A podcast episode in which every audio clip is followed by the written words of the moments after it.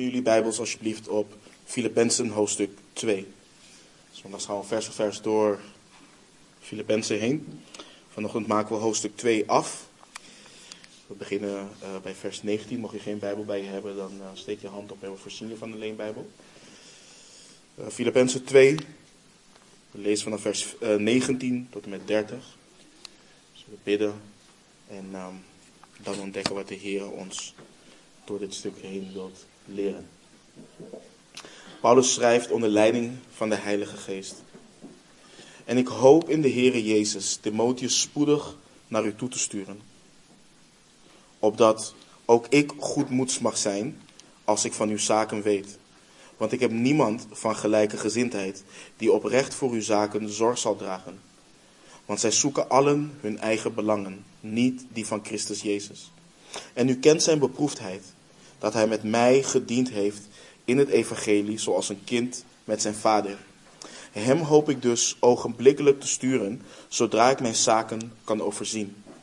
Maar ik vertrouw in de Heere dat ik ook zelf spoedig zal komen. Ik heb het echter nodig geacht Epaphroditus naar u toe te sturen, mijn broeder, medearbeider en medestrijder, en uw gezant en dienaar in wat ik nodig had, omdat hij vurig naar u allen verlangde en in grote angst verkeerde, omdat u gehoord had dat hij ziek was. Hij is inderdaad ook ziek geweest, tot dicht bij de dood. Maar God heeft zich over hem ontfermd. En niet alleen over hem, maar ook over mij, opdat ik niet droefheid op droefheid zou hebben. Daarom heb ik hem des te sneller gestuurd, opdat u zich weer kunt verblijden als u hem ziet en ik minder droevig ben. Ontvang hem dan in de Heer met alle blijdschap en houd zulke mensen in ere, want om het werk van Christus was hij tot dicht bij de dood gekomen, doordat hij zijn leven had gewaagd om aan te vullen wat aan uw dienstbetoon jegens mij nog ontbrak. Laten we bidden. Vader, we danken u, Heer, voor dit woord, Heer. We danken u, Heer, dat we al, um, al deze tijd al in Filippenzen zijn dat u ons zoveel aan het leren bent, Heer. En we bidden ook zo dat u onze harten opent, dat u spreekt, Heer, door uw woord heen. En dat u doet met uw kinderen, Heer, wat nodig is. Heer, zoals we al eerder hebben gebeden, u bent de kenner van harten. U bent de persoonlijke God. En u spreekt persoonlijk tot uw kinderen, Heer. Dus uh, geef ons verlichte ogen van ons verstand. En maak onze harten week om te horen wat de geest tegen de gemeente te zeggen heeft. We danken u, vragen u uit genade in de naam van onze Heer Jezus Christus. Amen. We bevinden ons inmiddels uh, eh, 16 weken in, uh, in deze korte maar rijke en uh, krachtige brief. Um, het dominante thema waar we ons al een aantal weken in bevinden is het thema van eensgezindheid, onderlinge liefde. En Paulus blijft vers na vers onder leiding van de Heilige Geest benadrukken en hameren op die eensgezindheid. Zelfs na het gedeelte uh, wat je als climax een, een hoogtepunt kunt beschouwen. De vernedering en de verheerlijking, de verhoging van onze Heer Jezus Christus in versen 5 tot en met 11, blijft Paulus bij dit thema. En uit het niets, althans zo uh, kan het lijken, heeft Paulus het opeens over zijn reisplannen. En als je de brieven van Paulus een beetje kent, uh, dan zou je bijna denken dat hij hier de brief wilde afsluiten of aan het afsluiten was. Maar als we mediteren op dit gedeelte, als we de tijd nemen om te onderzoeken wat Paulus daadwerkelijk doet onder leiding van de Heilige Geest in dit gedeelte, dan zie je dat het veel verder gaat dan simpelweg reisplannen en twee broeders die Paulus naar Filippi uh, toe wilt sturen en toestuurt. Want, en het is belangrijk om daar weer naartoe te gaan, wat is de aansporing waar de apostel Paulus mee is begonnen? Nou, in Filippenzen 1, versen 27 tot en met 30 lezen we. Alleen wandel het evangelie van Christus waardig. Opdat ik, of ik nu kom en u zie, of dat ik afwezig ben, van uw zaken mag horen dat u vaststaat in één geest en dat u samen eensgezind strijdt door het geloof in het evangelie. En dat u zich in geen enkel opzicht schrik laat aanjagen door de tegenstanders. Voor hen is dit een duidelijk teken van verderf, maar voor u van zaligheid. En dat van God uit. Want aan u is het uit genade gegeven in de zaak van Christus, niet alleen in hem te geloven, maar ook voor hem te lijden, omdat u dezelfde strijd hebt als, u die, bij mij, als die u bij mij gezien hebt en nu van mij hoort. Dus hier is het thema eensgezindheid begonnen. En het kwam voort uit de aansporing, de oproep om het evangelie van onze Heer Jezus Christus waardig te wandelen. Om te wandelen als burgers van Gods koninkrijk. En wat zie je daar uitspringen? Uh, ik heb het ook uh, dik gedrukt gemaakt. Um, het vaststaan in één geest. En samen eensgezind strijden. Dit is zo cruciaal. En het is juist een sterk contrast met wat Paulus eerder heeft benoemd. Want wat schreef hij eerder? Paulus had het over hoe zijn gevangenschap juist had geleid tot de bevordering van het evangelie. Paulus was gebonden, maar het woord van de Here was niet gebonden. Het hele gerechtsgebouw en al, aan alle overigen was bekend geworden dat Saulus uit Tarsus, die Joodse rabbi, niet gevangen was omdat hij een crimineel was, maar om Christus wil. Omwille van Jezus Christus. En wat heeft zijn gevangenschap nog meer teweeggebracht? Dat het merendeel van de broeders in de Here door zijn gevangenschap vertrouwen heeft gekregen om het woord nog overvloediger onbevreesd te durven spreken. Dus de broeders hadden niet zoiets van, laten we maar voorzichtig zijn en niets meer zeggen. De broeders hadden niet zoiets van, Paulus zit al vast door de verkondiging van het evangelie. Hoe zou God ons kunnen gebruiken als wij ook vastzitten? Hoe zou het evangelie kunnen voortgaan als ook wij vastzitten? Nee, dat was het resultaat niet. Het resultaat was dat ze met meer vrijmoedigheid door zijn gevangenschap en het, en het resultaat daarvan Christus zijn gaan verkondigen. Maar er zaten enkele tussen. En ik had het net over een contrast. Want de Filippenzen moesten eensgezind strijden en vaststaan in één geest. Maar Paulus attendeert hen ons, of, en ons op enkelen die niet eensgezind strijden. Die niet vaststaan in één geest. Er is een groep die Christus predikt uit afgunst en twistzucht. Uit eigen belang, niet met zuivere motieven. Maar met de bedoeling verdrukking toe te voegen aan de gevangenschap van de apostel Paulus. En Paulus heeft hen dus nogmaals aangespoord, nu in hoofdstuk 2, om zijn blijdschap volkomen te maken door eensgezind te zijn, dezelfde liefde te hebben, één van ziel en één van gevoelen te zijn. Ze moesten niets uit eigen belang of eigen dunk doen, maar de ander in nederigheid hoger achten dan zichzelf. Ze moesten niet alleen oog hebben voor wat van hen zelf was, maar juist oog hebben voor wat van de ander is. En Paulus kwam toen met het ultieme voorbeeld. Onze Heer Jezus Christus. De heiligen in Filippi en ook wij moesten dezelfde gezindheid hebben die ook in Christus Jezus was. Hij die in de gestalte van God was, beschouwde het niet als roof aan God gelijk te zijn. Hij die in eeuwigheid bekleed was met eer en glorie, heeft niet vastgehouden aan zijn heerlijkheid, maar heeft zich juist ontledigd door de gestalte van een slaaf aan te nemen en aan de mensen gelijk te worden. Hij heeft zichzelf vernederd. Hij was gehoorzaam aan de Vader tot de dood. Paulus schreef ja tot de kruisdood. En vervolgens heeft God hem verheerlijkt. Hij heeft zijn zoon bovenmate verhoogd en heeft hem een naam boven alle naam geschonken. En wat zagen wij? Ook wij dienen onszelf te ontledigen. Ook wij dienen onszelf te vernederen. Ook wij dienen niet vast te houden aan waarvan wij denken dat het ons recht is. Of, of onze positie is. Nee, wij dienen onszelf te verloochenen. De ander hoger te achten dan onszelf. En de glorie van God voor ogen te houden. Hem te gehoorzamen in zijn liefdevolle, toch dringende oproep om eensgezind te zijn. En als wij onszelf vernederen, zal God ons verhogen. En wat een voorbeeld en wandel waartoe wij geroepen zijn. Jezus Christus, onze Heer. Maar weet je waar wij zo goed in zijn als mensen? Zeggen, wat een voorbeeld is onze Heer Jezus Christus. En wat een goed streven waartoe wij geroepen zijn.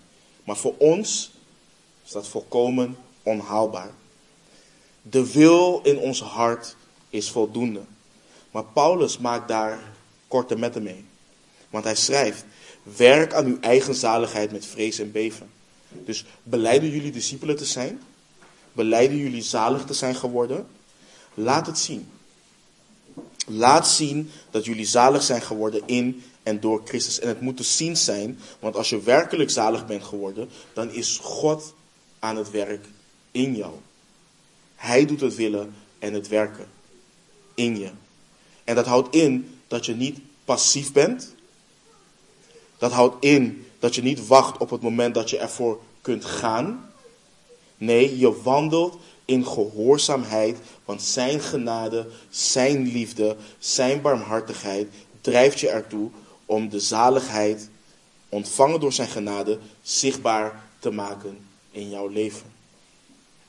En in onze tekst van vanmorgen zie je het herdershart wat de apostel Paulus heeft. Maar niet alleen het hart wat hij heeft. Hij geeft twee prachtige voorbeelden van mensen die leven zoals hij de Filippenzen heeft opgedragen om te leven en te wandelen in Christus.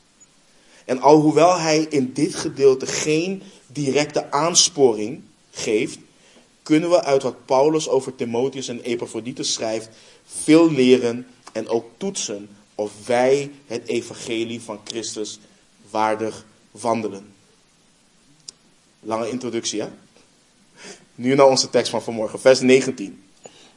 En ik hoop in de Heere Jezus Timotheus spoedig naar u toe te sturen, opdat ook ik goedsmoeds mag zijn als ik van uw zaken weet. Ik zei het net al, Paulus heeft echt het hart van een herder. Een opziener die begaan is met de kudde die God geestelijk onder zijn hoede heeft geplaatst. Paulus wil weten hoe het met hen in Filippi gaat. Hij wil weten van hun zaken. En kun je je voorstellen wat voor hart God deze man heeft gegeven? Hoe gegrepen zijn hart is door Christus en door hen die van Christus zijn. De apostel Paulus zit vast. Hij weet niet wat zijn einde zal zijn. Hij weet dat hij vrijgelaten kan worden, maar ook dat hij gedood kan worden. Maar Paulus wil weten hoe het met hen in Filippi gaat. Hij wil weten hoe het met de heiligen gaat. Hoe het gaat met hen waarnaar hij verlangt met de innige gevoelens van Jezus Christus. En broeders en zusters, een opziener, waarlijk aangesteld door de Heilige Geest, die maakt zich waarlijk zorgen over de heiligen die hij mag dienen. Die is niet bezig met zijn eigen belang. Die kijkt niet naar zijn eigen problemen. Maar wil kosten wat het kost dat de heiligen het evangelie van Christus waardig wandelen. Die liggen wakker wanneer ze weten dat hun broeders en zusters door moeilijkheden heen gaan. Worstelen met zonde. Leven in zonde. Maar die worden oprecht bemoedigd in en door de Heer wanneer ze zien dat de heiligen wandelen in gehoorzaamheid aan Jezus Christus en groeien in Hem. En je kunt bijna zeggen dat Paulus ervan uitgaat dat deze brief echt een uitwerking in hun leven zou moeten hebben gehad wanneer Timotheus in Filippi komt. Want Paulus schrijft namelijk dat hij goedsmoeds mag zijn als hij van hun zaken weet. Geestelijk gezien zou het de apostel Paulus verkwikken als hij hoort hoe het met de Filippenzen ervoor staat.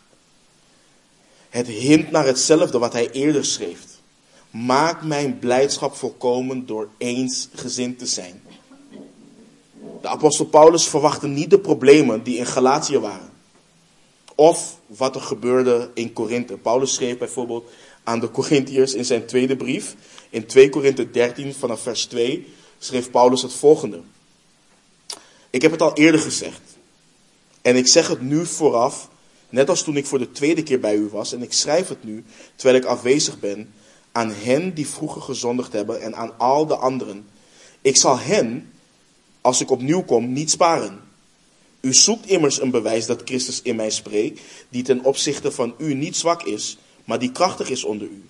Want hoewel hij gekruisigd is door zwakheid, leeft hij toch door de kracht van God. Ook wij zijn immers zwak in hem, maar zullen ten opzichte van u leven met hem door de kracht van God. Onderzoek uzelf of u in het geloof bent. Beproef uzelf. Of weet u niet van uzelf dat, dat Jezus Christus in u is? Of het moet zijn dat u op enige wijze verwerpelijk bent. Ik hoop echter dat u zult inzien dat wij niet verwerpelijk zijn. Bij de Corinthiërs hoopt Paulus dat ze niet verwerpelijk zijn. En dit is, dit is een van de sterkst vermanende brieven in het Nieuwe Testament die we kunnen lezen aan de Corinthiërs. Maar hij vertrouwt erop dat als Timotheus in Filippi zal komen en hij van hun zaken hoort, dat hij goedsmoeds mag zijn. Dat het goed met hun gaat, dat hij van goede moed mag zijn. En Paulus hoopt dus in de Heere Jezus Timotheus spoedig naar hen toe te sturen. Let op wat Paulus schrijft. Hij hoopt in de Heere Jezus. Paulus probeert hier niet vroom te klinken. Paulus had het verlangen om Timotheus te sturen naar, de Filippenzen. Maar Paulus kan niets anders doen dan vertrouwen op wanneer de Heere Jezus Timotheus zal sturen naar Filippi. Paulus is afhankelijk van Gods timing. Hij is afhankelijk van hoe en wanneer God iets uitvoert. En de vraag is, hoe zit dat met jou en met mij? Hopen wij in de Heer? Of zijn wij net als de mensen waar Jacobus over schrijft in Jacobus 4 vanaf vers 13?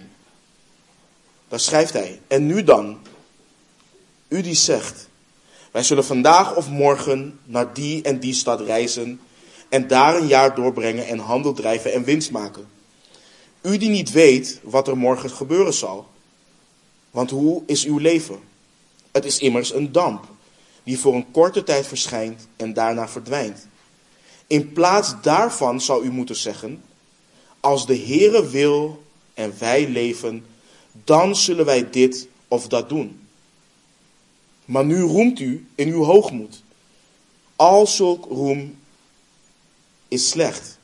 Wie dan weet goed te doen en het niet doet, voor hem is het zonde. En je kunt dit op alles toepassen. Dit heeft niet alleen te maken met het werk in de Heer. Deze mensen waar Jacobus over schrijft, die hebben het over handel drijven. Over winst maken. Over werken en noem maar op. En Jacobus veroordeelt het handeldrijven en het winst maken niet. Dat is niet wat het probleem is.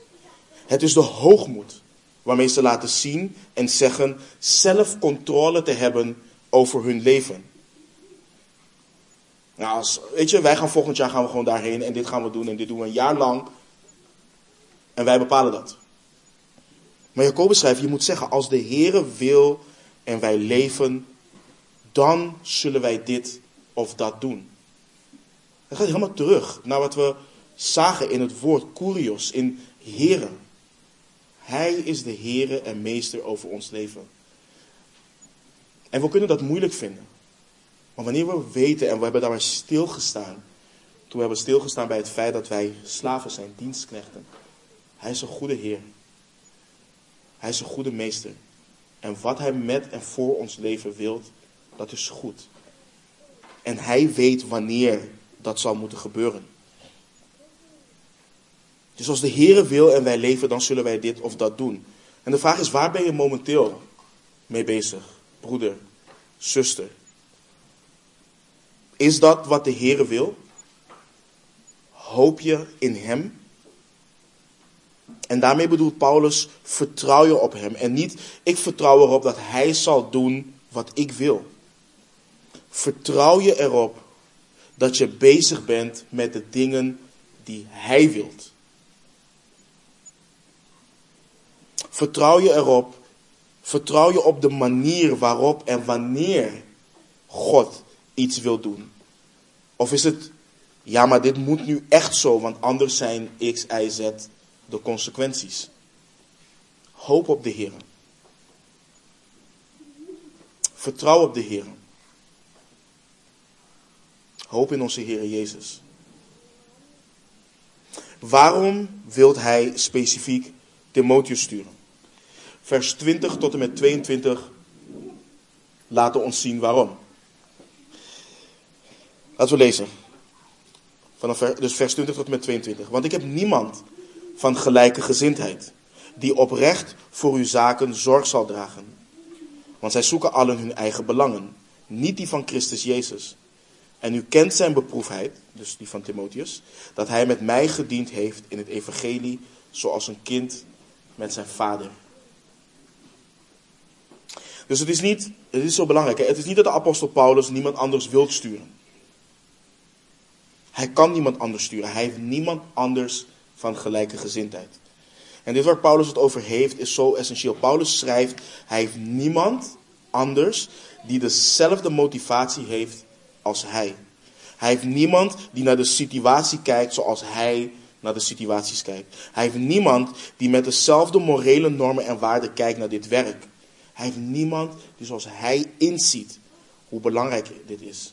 En ik ga zo door naar vers 21, maar het is wel belangrijk om het volgende alvast te benoemen. Paulus ziet zichzelf niet als de maatstaf. Het is niet, oh, je bent niet zoals ik ben, dus je bent niet goed genoeg. Nee, vers 21, het einde daarvan leert dat dit gaat om de belangen van Jezus Christus. Dat is waar dit om draait. Dat is waar Paulus naar kijkt. En wat is de gezindheid van de apostel Paulus? Ga terug naar hoofdstuk 1. En dan lezen we vers 21 tot en met 24. We hebben hier uitgebreid bij stilgestaan. Filippenzen 1 vanaf vers 21 tot 24. Want het leven is voor mij Christus. En het sterven is voor mij winst. Maar blijf ik leven in het vlees, dan betekent dit voor mij vruchtbaar werk. En wat ik verkiezen zal, weet ik niet. Want ik word door deze twee gedrongen. Ik heb de begeerte om heen te gaan en bij Christus te zijn. Want dat is verreweg het beste. Maar in het vlees te blijven is noodzakelijker voor u. Dus het leven voor de apostel Paulus is Christus. Daar hebben wij bij stilgestaan. Maar dat is niet alleen de realiteit van de apostel Paulus. Dit hoort de realiteit te zijn van allen die in Christus zijn en allen die van Christus zijn. Het leven is Christus. En als je dan zuurstof in je longen hebt en je door Gods genade fysieke kracht hebt, dan betekent dat vruchtbaar werk. Vruchtbaar werk voor het koninkrijk van God. En dat is de gezindheid van Timotheus als we zien wat Paulus schrijft. Het is belangrijk. Paulus en Timotheus waren niet identiek in hun karakter en in wie ze waren. Je ziet dat in de brieven van de apostel Paulus aan Timotheus. Ze waren niet hetzelfde, maar ze hadden dezelfde gezindheid. En die gezindheid heeft niets met Paulus te maken. Nee, want let op het getuigenis over Timotheus wanneer de, wanneer de apostel Paulus hem leert kennen. Handelingen 16, vers 1 en 2. Daar lezen we. En hij, Paulus, kwam in Derbe en Lystra aan. En zie, er was daar een zekere discipel van wie de naam Timotheus was. De zoon van een gelovige Joodse vrouw, maar van een Griekse vader. Van wie een goed getuigenis gegeven werd door de broeders in Lystra en Iconium. Dus er werd al een goed getuigenis van Timotheus gegeven toen de apostel Paulus hem leerde kennen. De gemeenten in Lystra en Iconium hebben gezien dat Timotheus een hart had voor de belangen van de Heer Jezus Christus. En ook voor Timotheus dus was het leven Christus. En waarom ik dit benadruk is dit. Ik wil voorkomen dat wij kijken naar de apostel Paulus, de apostel Petrus, de apostel Johannes en de rest van de apostelen en denken, ja maar dat waren de grote apostelen. En wie ben ik? we dienen hetzelfde als, als Paulus te denken. Wie is Paulus? Wie is Apollos? Het is de geest die in hun werkt. Het is God die in hun werkzaam is. Dit draait niet om ons. Dit draait niet om de zogenaamde kracht die wij zouden hebben. Dit draait om de Here die het willen en het werken in ons doet. En het bemoedigt mij persoonlijk enorm om te zien dat dit leven waar de apostel Paulus het over heeft, het evangelie van Christus waardig wandelen, niet een ver van onze bedshow is. Het is niet weggelegd voor die ene discipel die iets meer openbaring heeft of die een treetje hoger is. Nee, want het bestaat niet in Christus. Het is een leven wat we in en door de kracht van de Heilige Geest waarlijk kunnen leven. En dit is ook niet, alleen weggelegd voor opzieners. Denk aan de eerste diakenen die werden opgesteld. Let op de vereisten in Handelingen 6, versen 3 tot en met 5. Zie daarom uit, broeders, naar zeven mannen uit uw midden, van wie men een goed getuigenis geeft. Let op, vol van de Heilige Geest en van wijsheid, die wij voor deze noodzakelijke taak zullen aanstellen. Wij echter zullen volharden in het gebed en in de bediening van het woord. En dit woord behaagde heel de menigte. En zij kozen Stefanus, een man vol van geloof en van de Heilige Geest, Philippus, Prochorus, Nicanor, Timon, Parmenas en Nicolaos, een proseliet uit Antiochië. Dit waren mannen die de belangen van Christus voorop stelden. En let op, dit waren mannen vol van de Heilige Geest. Mannen vol van wijsheid, mannen vol van geloof. En deze mannen, vol van de Heilige Geest, vol van wijsheid en vol van geloof, werden aangesteld om de tafels te dienen. Dat is waarvoor zij werden aangesteld. De belangen van Christus. En dit is waarom hij Timotheus kon sturen en niemand anders.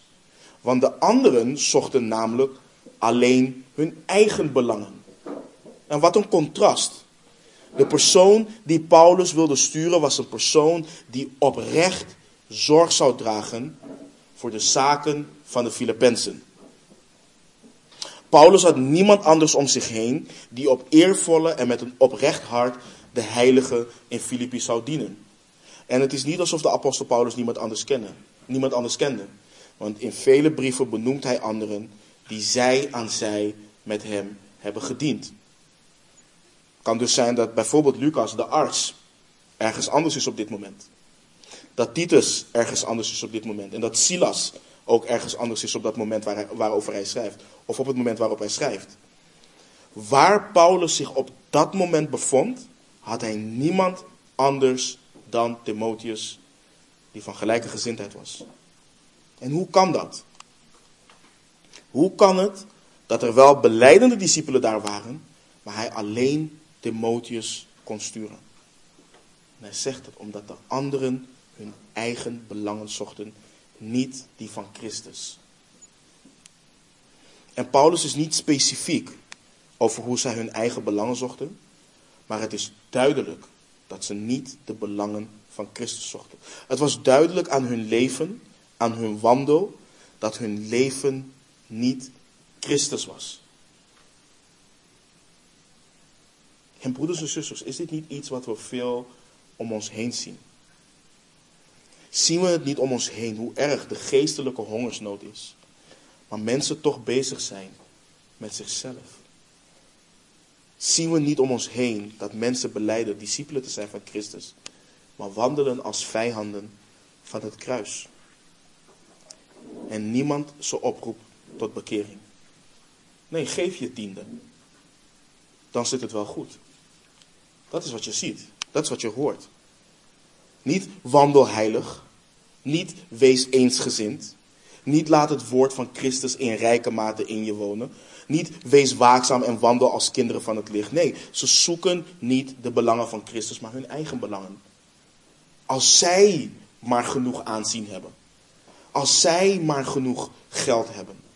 Als zij maar genoeg comfort hebben. Als het maar goed met hun gaat en het hen niet te veel moeite kost. Als het ze maar geen ongemak oplevert. En broeders en zusters, dit leven met en voor Christus, dat is iets wat we goed moeten beseffen, is een leven wat je weggeeft. Je geeft je leven weg voor Christus. Het is geen leven voor jezelf. Het is geen leven waarin je je eigen belangen hebt, maar een leven waarin je enkel en alleen de belangen van Christus zoekt en de belangen van Christus behartigt. Je leven is in Christus verborgen. Je leeft zelf niet meer. Het leven wat je leeft is een leven waarin je leeft door het geloof in Christus Jezus. Je wilt wat Hij wilt. En dat hoort de realiteit te zijn. En ik zeg bewust, hoort. Want mijn, want, want mijn vraag is dit. Aan een ieder van ons. Wiens belangen zoeken jij en ik? Wiens belangen zoeken wij? En broeders en zusters, dit is een vraag die we moeten overdenken. We moeten pijnsen op deze vraag. En waarom? Want het laat zien of we daadwerkelijk zijn gegrepen door Christus, ja of nee. Want ik heb het hier niet lijden over het leven wat je voorheen had en daarop Christus plakken. Nee, mogen het nooit zo zijn. Ik heb het hier over een leven waarin je weet en wilt wat Christus wilt. Draag je oprecht zorg voor de dingen van Christus. Waar Paulus over schrijft in vers 20 is het overbezorgd zijn aangaande de dingen van Jezus Christus. Dat is wat door je hoofd heen gaat. Dat is wat je gedachten bezighoudt.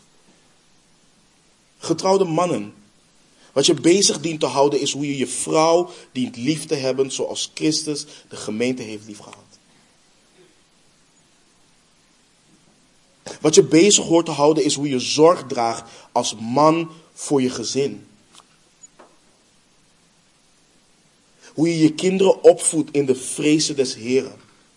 Hoe je een voorbeeld bent in woord en daad aangaande Christus.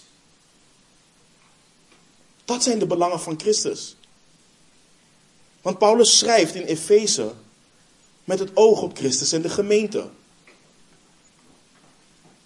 Getrouwde vrouwen. Wat je bezig hoort te houden is hoe je je onderschikt aan je man zoals aan de Heer. Hoe je je man dient lief te hebben. Je kinderen dient lief te hebben. Bezonnen te zijn, kuis te zijn, te zorgen voor je huishouden.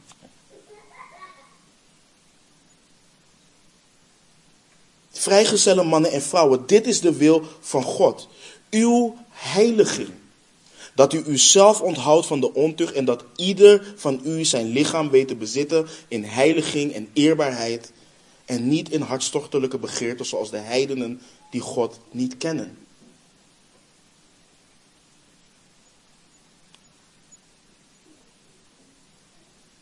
Weet je, we kunnen allemaal hè, denken van oké, weet je, als ik uitgezonden word naar Zimbabwe, als ik uitgezonden word naar dit, of als ik dit of dat. Dit zijn de belangen van Christus. Het begint in je huis. Het begint in je eigen huis. Dat is waar het begint. Net zoals Paulus bijvoorbeeld in 1 Timotheus 3 schrijft. Kijk, een man bijvoorbeeld die niet zorgt voor zijn huis, hij heeft niet, niets te zoeken om zorg te dragen voor de gemeente. Dat is wat hij schrijft. Een vrouw die haar huishouden, op, huishouden niet op orde heeft, die zorgt ervoor dat het woord van God gelasterd wordt. Broeders en zusters, dat zijn de belangen van Christus. We kunnen allemaal nu hier weggaan, op, op een plein gaan staan en evangeliseren. Dat kan allemaal. Maar als het niet eens in ons huis op orde is, kunnen we dan oprecht zeggen, we zoeken de belangen van Christus? Want wat als iemand tot geloof komt waar we evangeliseren? Hoe gaan we ze leren om zorg te dragen voor hun huis? Hoe gaan we de mannen leren om hun vrouwen te dienen? Als we het zelf niet doen.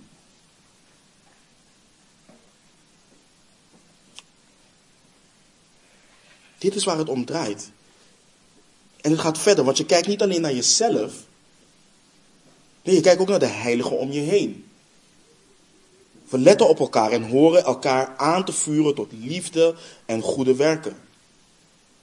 Of heb je genoeg aan je eigen zorgen? Is het eerst en pas wanneer het goed met mezelf gaat, dan pas kan ik een zegen zijn voor de ander? Dat is wat de wereld leert. Ik kan niet van de ander houden als ik niet eerst van mezelf hou. Pas wanneer ik zeker weet en Gods zegen over mijn eigen leven ervaar, dan pas kan ik oprecht zorg dragen voor de zaken van anderen. Als dat onze hartsgesteldheid is, hoe rijmen we dat dan met laat een ieder niet alleen oog hebben voor wat van hemzelf is, maar laat een ieder ook oog hebben voor wat van anderen is? Hoe rijmen we dat met de oproep dat het hebben, tot het hebben van de gezindheid die ook in Christus Jezus was?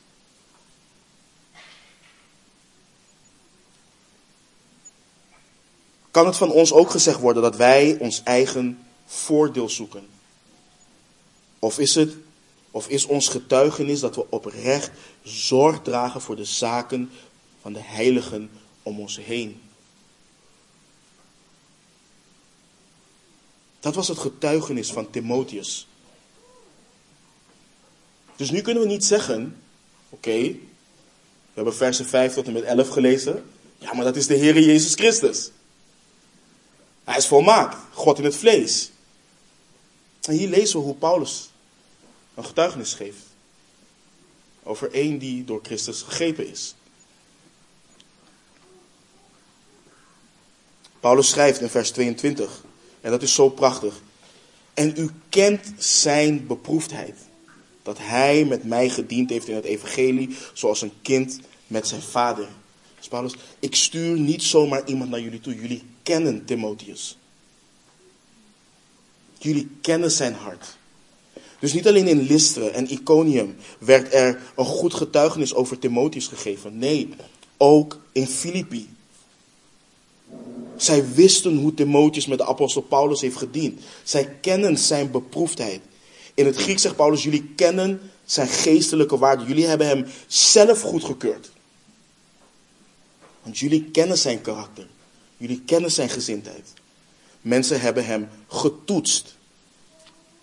En ga dit niet in tegen wat je tegenwoordig zoveel hoort. Je weet niet hoe oprecht ik ben in mijn hart. Wie ben jij om een oordeel over mij te vellen? Hoe kun jij zeggen dat ik God niet echt wil dienen? Hier lezen we dat Paulus een oordeel velt over anderen en zegt: zij zoeken hun eigen belangen. Dat zegt hij over anderen, niet die van Christus. En vervolgens lezen we, Timotheus is beproefd gebleken door de Filippenzen. Ze weten, ze hebben gezien, ze hebben onderzocht hoe hij samen met Paulus, hoe intens en intiem gediend heeft in het evangelie van de Heer Jezus Christus. dat ook, ook wij broeders en zusters, allen beproefd mogen zijn voor het werk van Gods koninkrijk. En we oprecht, oprecht zorg dragen voor de heiligen om ons heen.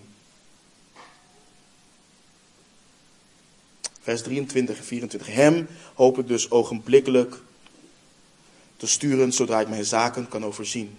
Maar ik vertrouw in de Heer, ik vertrouw in de Heer dat, dat ik ook zelf spoedig zal komen. Dus Paulus gaat verder. En dit vind ik interessant. We hebben eigenlijk al getackeld hè, dat Timotheus een goed getuigenis had voordat hij met Paulus meeging. Maar dan kan iemand nog zeggen, ja maar kijk. Timotheus was een opziener. Timotheus was een opziener.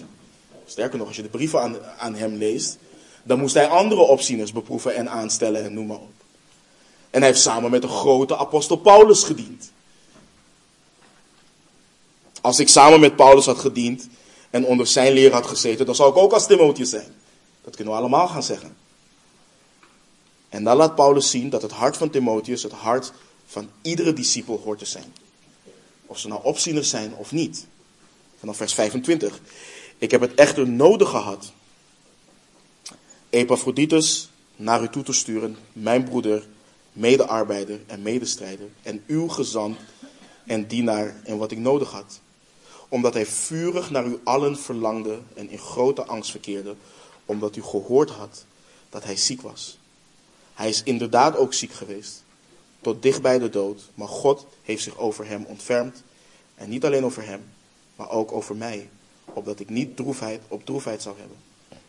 Daarom heb ik hem des te sneller gestuurd, opdat u zich weer kunt verblijden als u hem ziet en ik minder droevig ben. Ontvang hem dan in de Heer met alle blijdschap en houd zulke mensen in ere. Want om het werk van Christus was hij tot dicht bij de dood gekomen, doordat hij zijn leven had gewaagd om aan te vullen wat aan uw dienstbetoon jegens mij nog ontbrak. We weten niet veel van Epaphroditus. We, uh, we, weten dat hij gezonden is door de gemeente in Filippi en dat hij gezonden is om Paulus te voorzien van een financiële gift. Maar ook om hem te ondersteunen en te dienen in wat Paulus nodig had. Let op, Epaphroditus heeft de comfort van zijn gemeente, zijn omgeving, achtergelaten om zijn broeder te dienen. Houd dit in dat wij dit allemaal moeten doen? Houd dit in dat we nu allemaal het vliegtuig moeten pakken en ergens heen moeten? Nee, dit gaat om het hart van Epaphroditus. Paulus is een broeder, een geroepen apostel die het werk voor en van de Here doet. Hij heeft de noden en de gemeente in Filippi, waaronder Epaphroditus, die voorziet daarin. Die zien om naar hun broeder Paulus. Uit de tekst kunnen we halen dat Epaphroditus eerder dan gepland terugging naar Filippi. En dat is om de volgende reden. Hij was ziek geworden. Zo ziek dat hij dicht bij de dood kwam. Las de charismatische tekst, uh, kerk deze tekst maar. Om te zien gewoon dat mensen ziek worden. Het staat er gewoon. Hij werd ziek. We weten niet wat voor ziekte hij had. We weten niet waardoor het kwam, anders dan dat het om het werk van Christus was. Tijdens zijn reis of dienstbetoon uh, jegens Paulus, um, en let op wat Paulus schrijft, hij had zijn leven gewaagd. Hij had zijn eigen leven op het spel gezet omwille van Christus, om de apostel Paulus te dienen. Wat een liefde.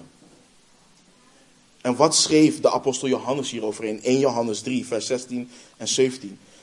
Hieraan leerden wij de liefde kennen.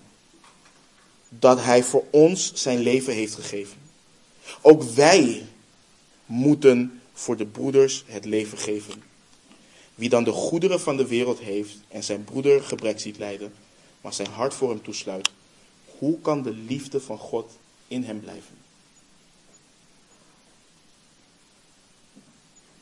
Dit gaat verder dan broeder, zuster, ik bid voor je.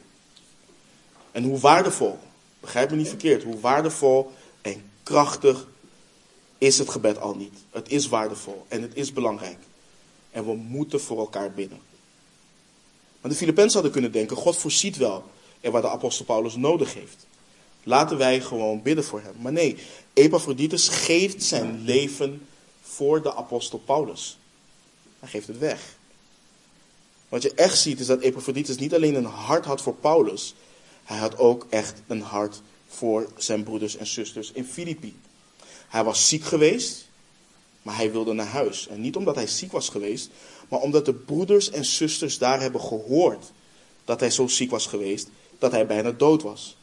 En Paulus stuurt hem terug opdat zij in Filippi niet meer droevig zouden zijn en ongerust, ongerust zouden zijn om hem, maar zich juist zouden verblijden.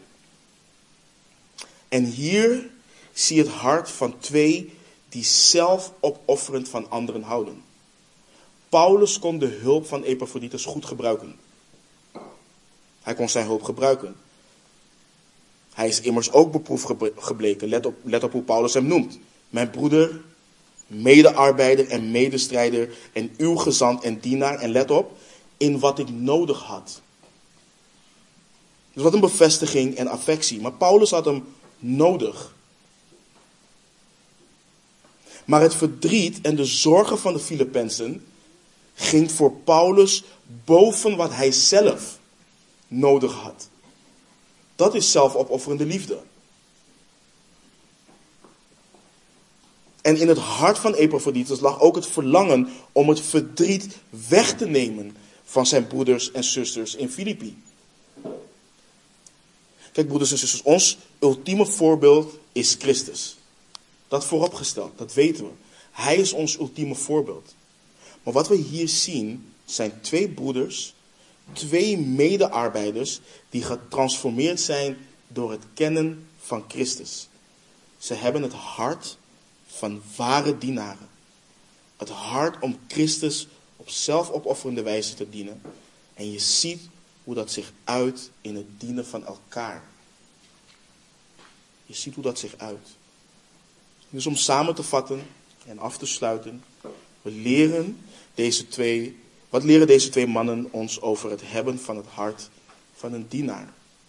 Wat leren deze twee mannen ons die voorbeelden zijn in het evangelie van Christus waardig wandelen? Het hart van een dienaar is gericht, nogmaals, op de dingen van Jezus Christus. Het hart van een dienaar is gericht op de dingen van Jezus Christus. Het hart van een dienaar zoekt de belangen van Christus en niet die van zichzelf. Iedere discipel, of je nou leeft van het evangelie of niet, of je opziener bent of niet, zou elke dag in gemeenschap met de Heer moeten leven in onderwerping aan zijn wil, in gehoorzaamheid aan zijn woord en paraat om zijn werk te doen, wat het werk ook is. En we weten van vele dingen al, wat ik net al zei, over bijvoorbeeld het dienen van ons huis. Dat is zijn werk al. Dat is zijn werk al. Weet je, mijn vrouw, mijn kinderen, de mensen om me heen, gelovig, ongelovig, zij zouden door mij heen de genade van de Heer Jezus Christus moeten zien. Dat is al het werk van de Heer Jezus Christus. En je ziet een aantal belangrijke dingen. Zowel Timotheus en Epaphroditus zijn bereid om de Heer te dienen waar hij hen ook heen zendt. Waar hij hen ook heen zendt. Ik zei net al, Epaphroditus heeft zijn eigen omgeving verlaten om Paulus te dienen. Maar ook zo was Timotheus bereid om zijn vader in het geloof, de apostel Paulus, achter te laten en de broeders in Filippi te dienen. Als je ook zijn brief leest, de brief van Paulus aan Timotheus, dan zie je ook dat hij achtergelaten werd. Je ziet ook in Titus ook op Kreta en deze mannen waren bereid om te gaan waar ze moesten gaan, waar de Heer hen zou sturen. En dat, dat krijg je alleen en dat komt alleen als je beseft, en ik zeg het vaker hier, is dat de enige reden waarom je zuurstof in je longen hebt, is om de Heer te verheerlijken. Dat is waarom je nog hier op aarde bent. Dat is waarom wij hier zijn. We zitten hier niet op aarde om nog een comfortabel leven te leiden en het leven uit te zitten en het leuk te vinden en het zo comfortabel mogelijk te maken voor ons. Dat is niet waarom we hier nog zijn. We leven hier als dienstknechten van de Heer Jezus Christus. Om zijn werk te doen. En het dienen van Christus is niet makkelijk. Het is een strijd. Het is een geestelijke strijd. Het maakt ons een doelwit van de vijand, die er alles aan doet om het werk van de Heer te ondermijnen en te dwarsbomen. Het brengt verdrukking met zich mee. Maar weet dat die verdrukking volharding teweeg brengt. En die volharding ondervinding. En die ondervinding hoop. En die hoop, broeders en zusters, die hoop, die beschaamt niet. Die beschaamt niet. Weet je, als je uh, biografieën leest over de heiligen in het verleden, dus gewoon kerkgeschiedenis en noem maar op. Je zult nooit een broeder of een zuster waarlijk vinden die spijt had van zijn of haar dienst aan de Heer Jezus. Nooit. Je zult het gewoon niet vinden.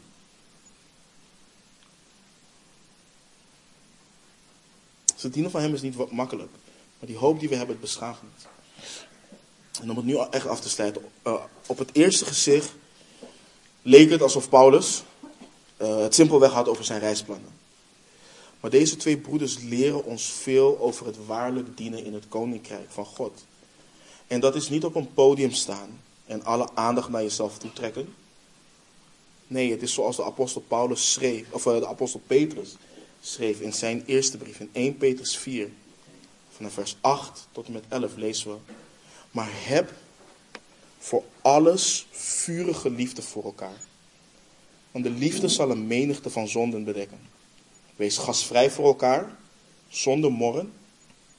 Laat ieder de ander dienen met de genadegave zoals hij die ontvangen heeft, als goede beheerders van de veelsoortige genade van God. Als iemand spreekt, dan als iemand die de woorden van God spreekt. Als iemand dient, dan als iemand die dient uit kracht die God schenkt. Zodat God in alles verheerlijkt wordt door Jezus Christus. Hem komt de heerlijkheid en de kracht toe tot in alle eeuwigheid. Amen. Laten we bidden. Vader,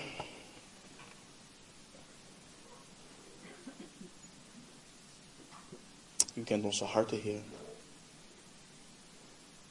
En u bent God, Heer, die openbaart. En wij bidden, Vader, en vragen uw genade en te openbaren, Heer. Om waarlijk te openbaren. Zoeken wij onze eigen belangen? Of zoeken wij die van Christus? Heren, dat is de vraag die nu op mijn hart drukt en ik bid en ik hoop dat dat ook de vraag is die op het hart, de harten van mijn broeders en zusters drukken. Is het leven voor ons echt Christus? Of misleiden we onszelf? Heer, als dat zo is, Heer, openbaar het opdat wij ons bekeren van onze wegen. Openbaar het opdat we waarlijk zullen leven voor onze Heer Jezus Christus. En het evangelie waardig zullen wandelen.